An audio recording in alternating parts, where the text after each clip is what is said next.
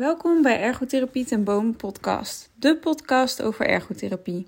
Alles wat je wil weten over ergotherapie hoor je hier.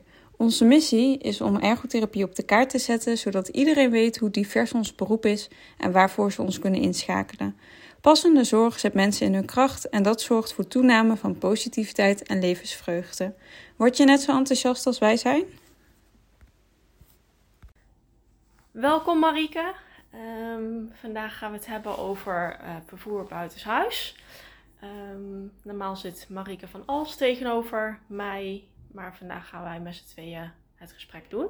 Ja, um, ja vertel, buitenvervoer. Ja, nou, als ergotherapeut krijgen we best wel heel veel vragen ten aanzien van vervoer buitenshuis. Ja.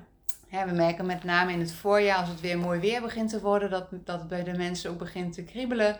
Ze denken, oh, we zouden heel graag zelfstandig uh, naar buiten willen kunnen. Mm En ja, en soms lukt het fietsen uh, bijvoorbeeld uh, niet meer. Of mensen hebben, kunnen niet auto rijden. Ja. En dan kloppen ze vaak aan bij ons om te vragen of er vervoersvoorzieningen zijn voor, voor buiten. Ja, en hoe vaak, ja, hoe start jij dan als je zo'n vraag krijgt? Nou, ik ga eerst doe ik altijd even een intakegesprek om te informeren van goh, waar liggen de wensen en behoeften. Um, hè, hebben mensen ook al in het verleden bijvoorbeeld wel auto gereden of uh, fietsen mensen nog wel of niet? Of hoe lang is het al geleden dat ze aan het verkeer hebben uh, deelgenomen? Um, en dan kijken waar ligt de vervoersbehoefte? Wat willen mensen heel graag? Hè? En vaak kunnen mensen door een ziekte of door een verminderde energie niet meer uh, op een normale fiets. Hè. Ik zie ook bijvoorbeeld veel mensen met Parkinson, die hebben een verminderde balans. Vaak zie je dat mensen dan al een aantal keren gevallen zijn en dan zich niet meer veilig voelen op een gewone fiets. En dan bijvoorbeeld um, op zoek zijn naar een alternatief. En mhm. dat kan een driewielfiets zijn of dat kan een scootmobiel um, zijn. Ja. Dan ga je dus inventariseren van waar wil je er allemaal mee naartoe. Nou, mhm. Vaak is het uh, dat ze op bezoek willen bij uh, familie of vrienden. Of uh, ze willen graag naar de winkel of zelfstandig naar de fysiotherapeut of naar de huisarts kunnen. Mm um, nou, als we dat een beetje in beeld hebben, dan gaan we ook kijken van, goh, is iemand ook cognitief in staat om überhaupt aan het verkeer deel te nemen? Ja.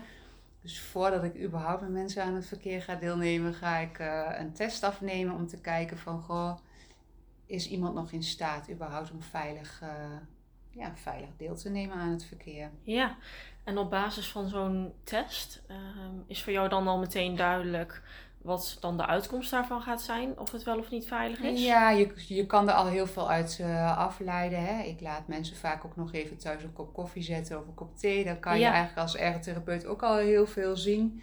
Maar de test geeft echt wel een indicatie of iemand ehm, veilig deel kan nemen of niet. Het is mhm. niet alleszeggend. Hè? Nee. Bedoel, uh, je moet echt nog wel observeren tijdens het uh, rijden. Maar het geeft wel een indicatie in ieder geval. Ja. ja.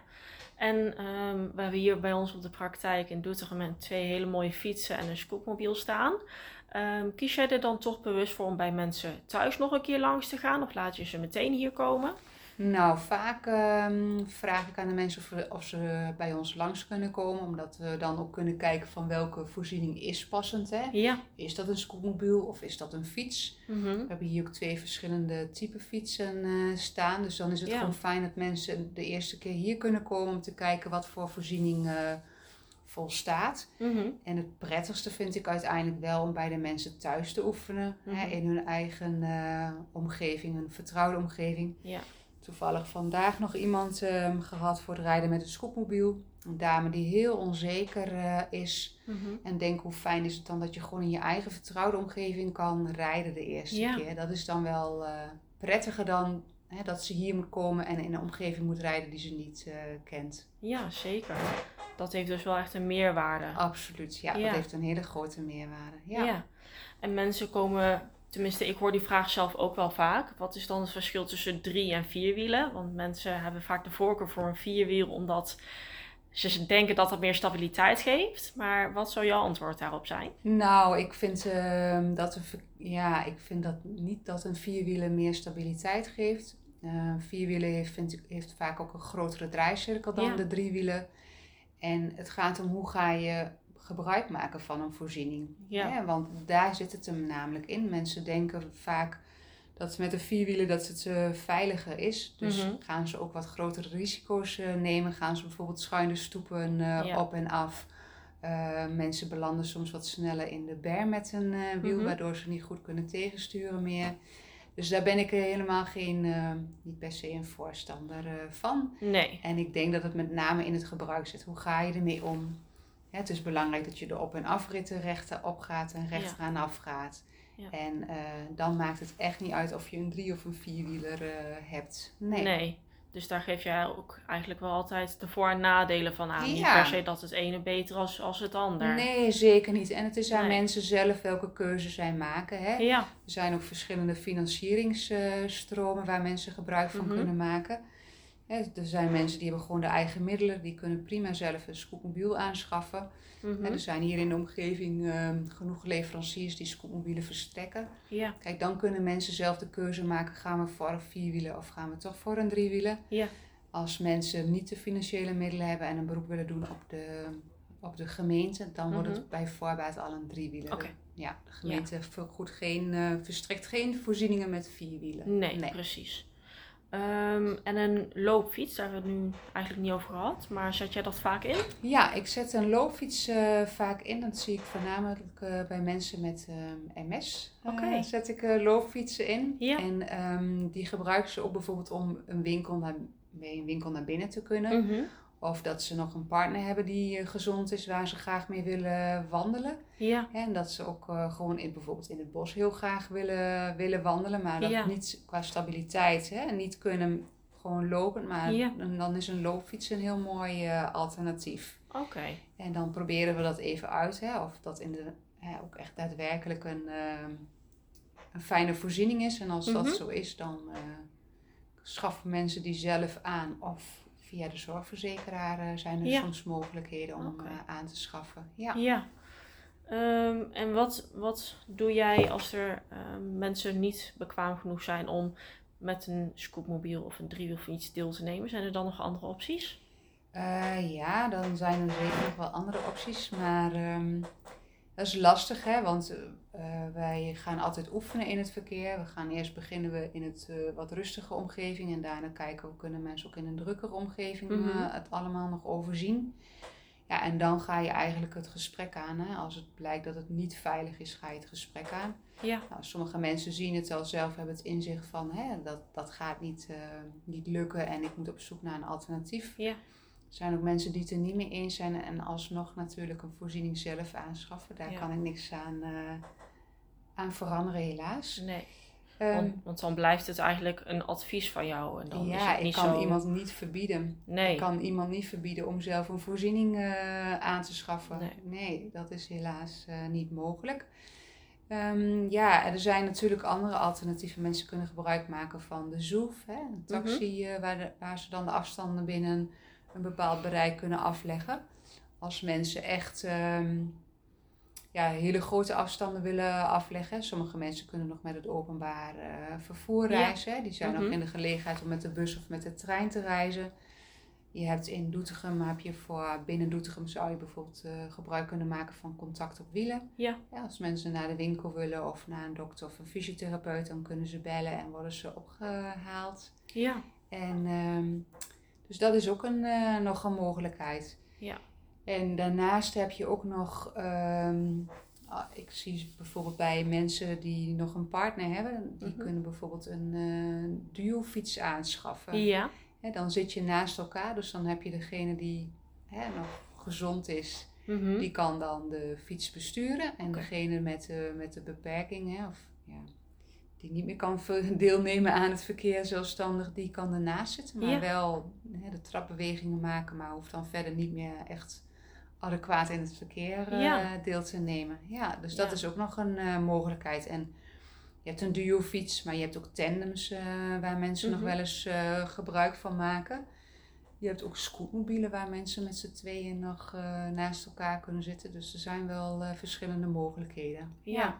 En moeten dan mensen dan dat dan ook eh, meteen aanschaffen? Of is zoiets ook te huur hier in de omgeving? Ja, in eh, sommige zorginstellingen kunnen mensen zo'n duo-fiets uitproberen en af en toe ook eh, huren. Mhm. En afhankelijk van welke instelling het is, vragen ze soms een kleine bijdrage.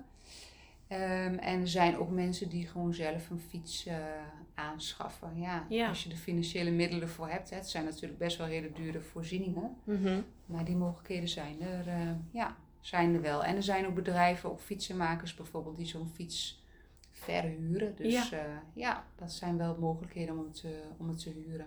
Ja, vooral als je ook een keertje op vakantie bent. ja, eh, bijvoorbeeld. is dat natuurlijk heel mooi om op die manier ergens gebruik van te ja, maken. zeker Ja. weten. Ja, hartstikke leuk.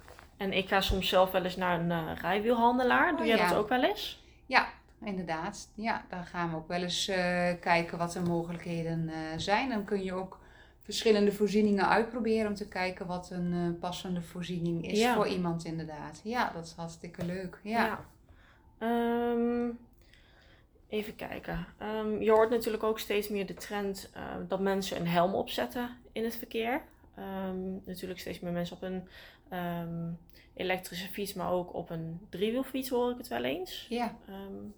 Hoor jij daar wel eens wat over? Of Nou, wel dat erg? mensen er bewust mee bezig zijn. Hè? Ja. Je ziet wel eens dat steeds meer oudere mensen een fietshelm gaan eh, aanschaffen. Ja, Hè? Om voor hun veilig, eigen veiligheid. Dus ik vind dat op zich eh, heel mooi. Hè? En eh, je ziet het gewoon wel steeds vaker.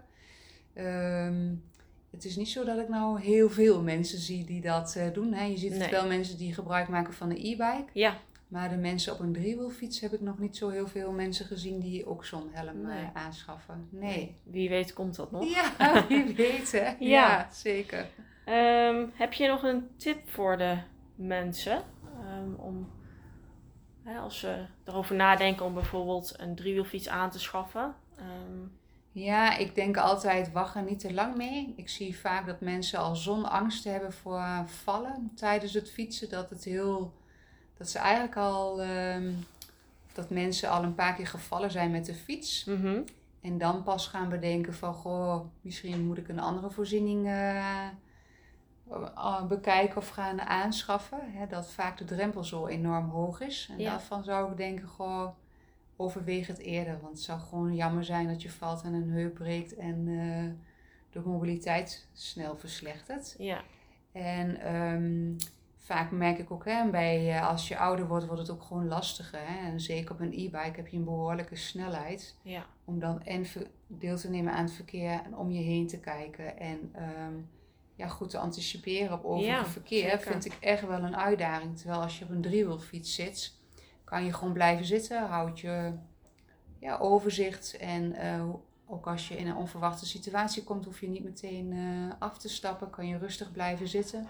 Ja, Ja, dus dat vind ik wel belangrijk dat mensen daar misschien al iets eerder over gaan eh, nadenken. Ja. ja.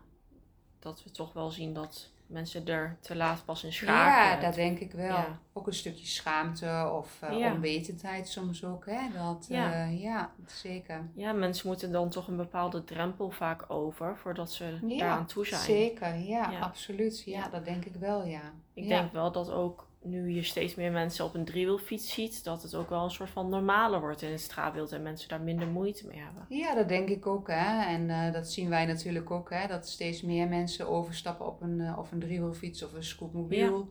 En er zijn natuurlijk ook veel meer leveranciers die daar nu op inspelen. Hè. Mhm. Vroeger in de fietsenhandel had je alleen fietsen, maar dan zie je nu ook steeds meer scootmobielen eh, staan. Hè. ja. Dus mensen kunnen ook al veel makkelijker eigenlijk zo'n voorziening eh, aanschaffen. Ja, Mhm. zeker. Absoluut. En wat is volgens jou nu ehm, onze meerwaarde als ergotherapeut in het proces? Nou, ik denk dat onze meerwaarde is dat we gewoon heel goed uitvragen waar iemand een voorziening voor nodig heeft. Mhm. Maar dat we ook heel kritisch kunnen kijken van welke voorziening past wel of niet bij iemand. Ja, En eh, dat we echt wel kijken van hoe is het cognitief? Kan iemand überhaupt nog wel deelnemen aan het verkeer? Is het nog wel verantwoord? En ehm, ja, dat denk ik zeker. Ik weet niet of jij nog Ja. aanvullingen eh, hebt, maar... eh, ja, ik denk dat wij gewoon naar het gehele handelen kijken. En Ja. niet alleen van kan iemand deelnemen in het verkeer of kan iemand een fiets besturen, maar wij nemen veel meer mee dan Ja. alleen ehm, dat stukje fietsen. Ik denk dat dat wel onze sterke kracht is. Ja, dat we heel Ehm, breed kijken bedoel ja. je, hè? Dat we Ja. gewoon heel breed eh, naar de persoon, naar het hele systeem als het Ja, ware kijken. hè? zeker. Ja. Ehm, heb jij dan nog aanvullingen of nog andere dingen die voor nu belangrijk zijn? Ja, ik zit eventjes te denken, maar volgens mij hebben we al wel heel veel, ehm, hebben we al heel veel besproken. Ja. En ehm, ja, en ik denk het is alleen maar heel fijn. Hè? We krijgen steeds meer vragen binnen van mensen die eh, ja, vragen of we willen kijken van wat zijn de mogelijkheden. Ja, dus ehm, Zeker. ja, het is ook heel mooi hè, dat we daar een bijdrage aan kunnen leveren. En wat ik ook leuk vind is als je mensen les hebt gegeven en vervolgens eh, ja, ze ziet rijden of deelnemen aan Ja. het verkeer, denk ik, oh, dat, heb je dan, eh, dat doe je dan maar mooi. En wat fijn Ja. dat je die vrijheid weer terug hebt. Hè? Dat je weer zelf je boodschappen kan doen, dat je weer zelfstandig naar de fysiotherapeut Ja. kan. En ja, dat je de regie over je eigen leven weer een beetje terugkrijgt. Hè? Dat vind ik altijd wel heel mooi. Het voorkomt dat mensen echt in een volledig isolement komen. Ja, zeker weten. Absoluut. Ja. Helemaal goed. Dan sluiten we hem voor nu af. Maar luister vooral naar de volgende podcast die eraan komen. Bedankt voor het luisteren. Laat ons weten wat je van deze podcast vond en laat een review achter. Volgen en delen helpt ons om ergotherapie op de kaart te zetten. Daar worden wij blij van.